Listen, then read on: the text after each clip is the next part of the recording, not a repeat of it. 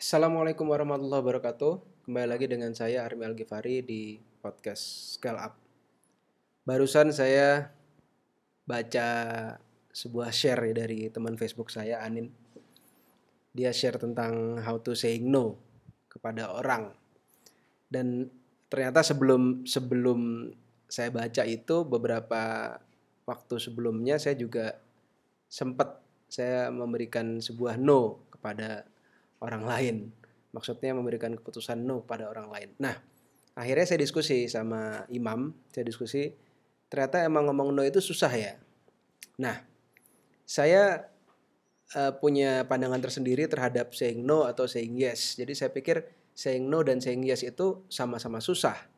Kenapa sama-sama susah? Karena saying no atau saying yes terhadap sesuatu itu adalah terkait dengan keputusan keputusan decision making, skill untuk membuat keputusan. Nah, ada orang yang skill membuat keputusannya rendah dan ada orang yang skill membuat keputusannya itu cepat. Semakin Anda sering berhubungan dengan ber, berbagai masalah, berbagai kasus di dalam bisnis atau di dalam apa pun akan semakin terasa Anda dalam membuat keputusan-keputusan.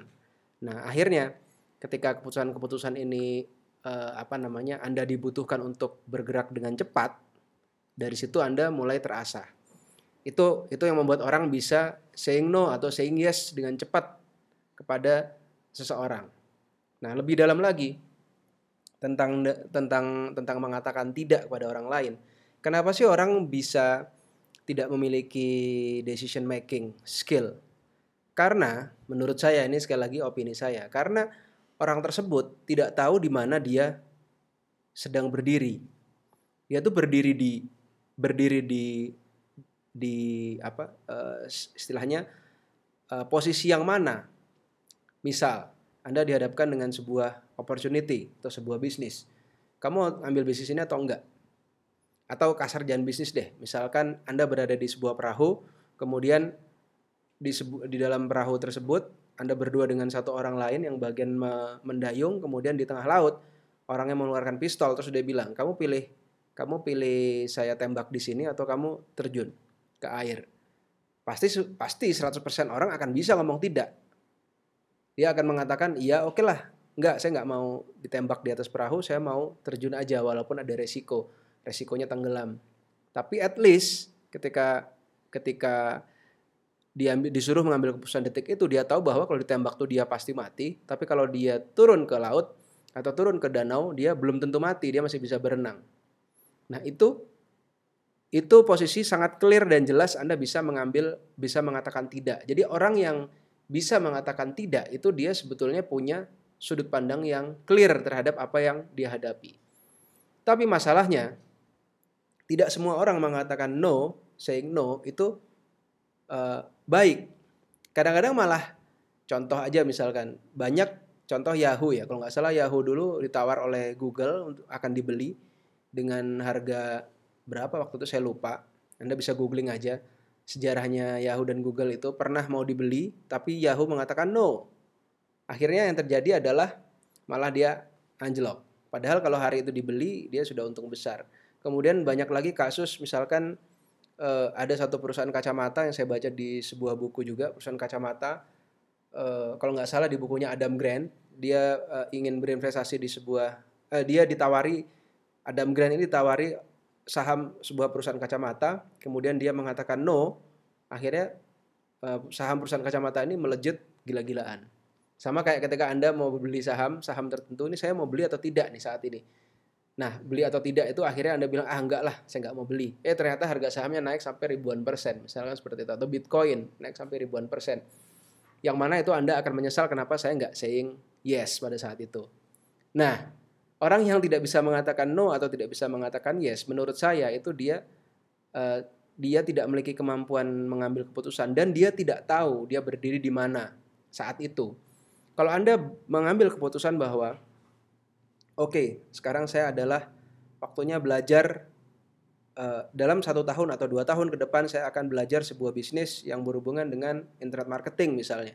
Nah dia akan tahu bahwa ketika ada offer mengajak dia bisnis yang non internet marketing, dia akan mengatakan no, saya fokus kepada bisnis internet marketing. Kalau ada orang menawarkan bisnis internet marketing, maka dia saying yes. Dia tahu, dia akan lebih mudah untuk mengatakan yes atau no terhadap sebuah opportunity. Dan budaya di masyarakat kita adalah budaya FOMO istilahnya. Fearing missing out.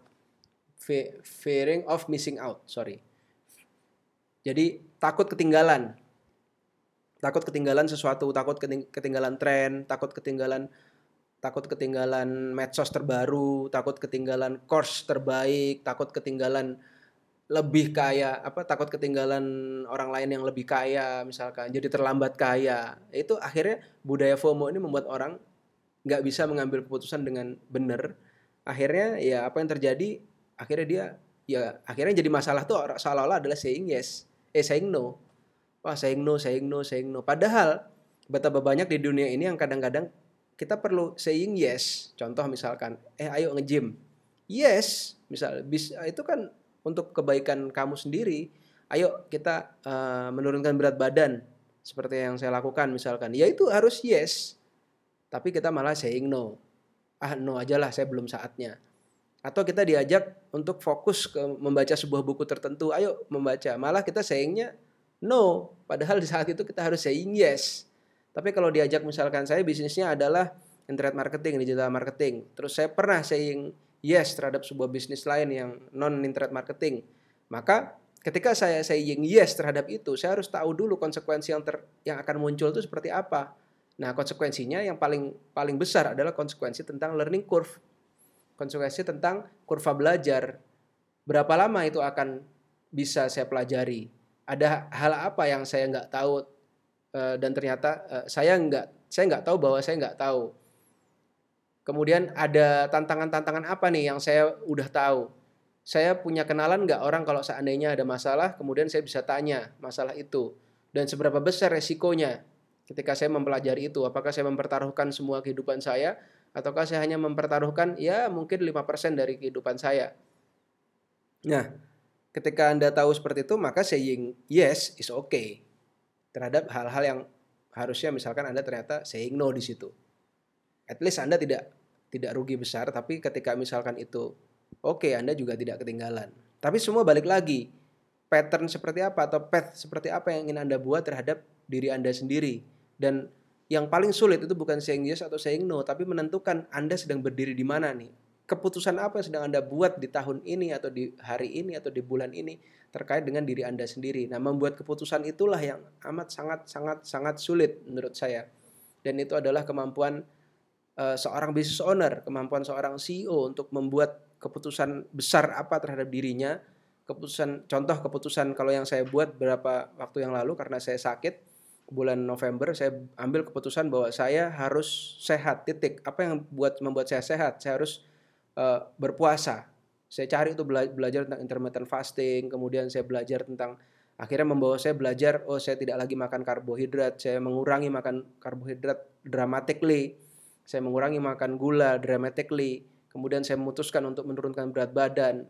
Dan ketika keputusan itu dibuat, maka saya akan gampang sekali saying no terhadap hal-hal kayak contohnya, ayo ditawarin minum teh, tawarin bakso, tawarin nasi goreng misalkan itu sangat gampang buat saya saying no no saya nggak makan itu yes saya makan yang ini no saya nggak makan uh, apa namanya jus yang dikasih gula yang dicampur dengan susu dan seterusnya saya nggak mau makan itu dan itu gampang sekali gitu contoh misalkan anda tahu bahwa uh, uh, mohon maaf kepada kepada siapa tadi mas mas siapa tadi Ihsan atau siapa yang tadi saya ngomong ya saya bilang no uh, untuk untuk berdiskusi panjang sekali di Telegram tentang bisnis karena Telegram saya adalah untuk keluarga dan internal bisnis saya sendiri, Telegram pribadi saya. Sedangkan kalau berbicara bisnis saya biasanya di luar itu.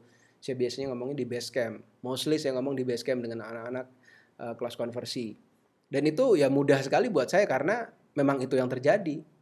Tapi ketika Anda nggak tahu, Anda berdiri di mana, Anda harus ngapain, path apa yang Anda buat Anda nggak tahu, itu akan sangat sulit. Mau saying yes atau saying no Anda akan sangat sulit. Anda akan kebingungan. Contoh di di KK kasus Facebook Ads, kalau Anda nggak tahu bagaimana membedah masalah part per part yang ada di dalam funnel bisnis Anda, funnel funnel iklan Anda, maka Anda akan nggak tahu apa yang Anda harus lakukan terhadap sebuah kondisi. Begitu Anda nggak tahu, Anda nggak bisa saying no terhadap sebuah iklan atau saying yes terhadap sebuah iklan. Ini oke okay nih, akan saya teruskan. Ini no, akan saya stop, akan saya ganti. Anda nggak tahu.